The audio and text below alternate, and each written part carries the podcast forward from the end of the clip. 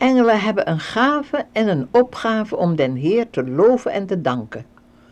Ook door hun muziek en zingen.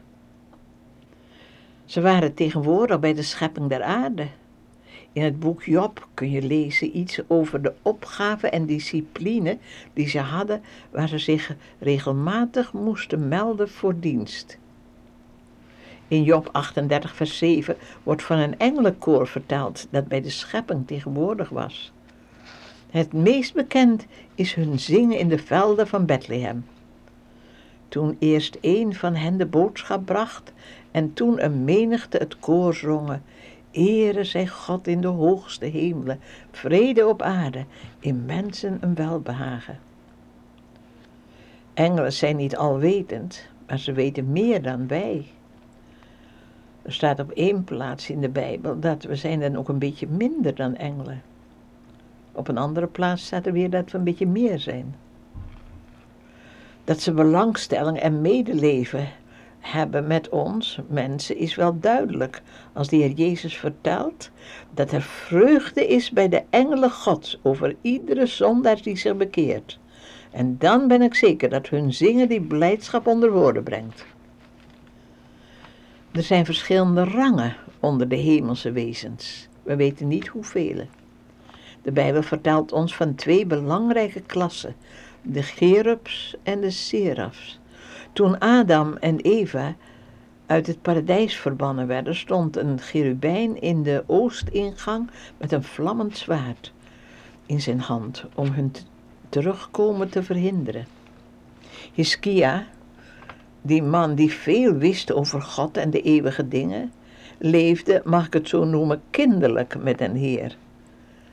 Die lelijke brief die hij kreeg van Rapsake, de generaal van het Assyrische leger, bij de belegering van Jeruzalem, nam hij mee naar de tempel en legde die brief voor het aangezicht van den Heer. Toen sprak je een machtig gebed en begon met de woorden, O Heere God van Israël, die uw troon hebt boven de cherubijnen.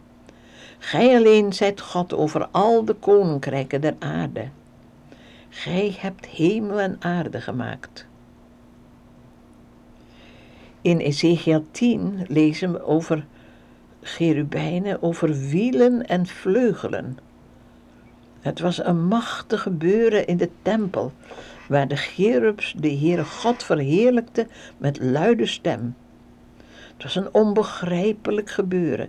De cherubijnen werden beschreven als vreemde wezens, maar dan ineens in vers 21 met handen die geleken op mensenhanden.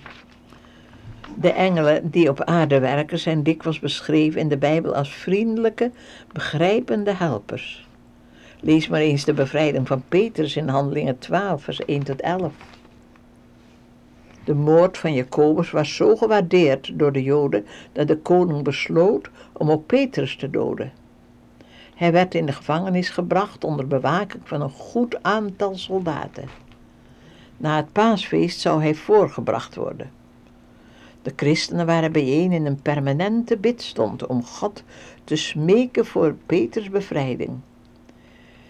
Petrus sliep met zijn handen geketend aan de handen van twee soldaten. Overal stonden wachtposten bij de deuren en in de gangen. Toen kwam een engel van de Heer in de cel. En er scheen meteen licht. Het schijnt dat al de wachtposten sliepen. Lees nu eens wat en hoe de engel aan het werk ging. Eerst duwde hij Petrus wakker liet hem opstaan. Sta op, gauw een beetje, zei hij. De kettingen vielen van Petrus af. Kleed je aan en doe je sandalen aan. En toen, wikkel jezelf goed in je overjas en volg me. Het is zo machtig te lezen hoe de engel tot in de kleine dingen alles bedisselde. Peter kon eerst niet geloven dat alles werkelijk was. Hij dacht dat het een visioen was. De engel ging hem voor. Door geopende deuren en liep met Peters door de poorten en bracht hem nog een eindje de straat in. Toen verdween hij. En Peters geloofde pas dat het werkelijkheid was toen hij daar alleen in de nacht op straat stond.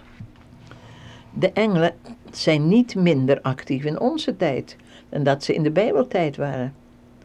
In de Congo vertelden zendelingen mij een ervaring. In een huis, een soort kostschool, waren 200 zendelingenkinderen. De Maumaus besloten alle kinderen en hun onderwijzers en onderwijzeressen te vermoorden. Toen ze in het huis een grote troep Maumaus zagen komen, gingen ze allemaal op de knieën en baden om bescherming. Er was maar een kleine heg om het huis en een paar soldaten woonden bij hun, maar dat betekende niets tegen zo'n overmacht van vijanden. Plotseling zagen ze dat de rebellen zich omkeerden en wegrenden. De volgende dag gebeurde hetzelfde en ook een derde dag. Toen bleven ze weg. Een van de rebellen was gewond en werd naar het zendelingshospitaal gebracht door de mensen die hem aan de kant van de weg hadden gevonden. Toen de dokter bezig was met zijn wonden te verbinden, vroeg hij: Waarom zijn jullie niet in ons huis binnengekomen, zoals je van plan was om ons te doden? De man antwoordde: Dat konden we niet. We zagen honderden soldaten in witte uniformen en we werden doodsbang. Nou, in Afrika zijn nooit soldaten in witte uniformen. Die mensen hebben engelen gezien. De zendelingen begrepen dat het engelen waren geweest. Hoe groot is onze God en wat een liefhebbende Vader hebben we, dat Hij deze gedienstige geesten had gestuurd voor de bescherming van degenen die de zaligheid beërven zullen. Dank u, Vader in de hemel, dat we weten dat ze er zijn. U engelen, die niet alleen in de tijd van de Bijbel actief waren, maar ook nu ons omringen. Dank u voor de grote liefde die er hierachter staat.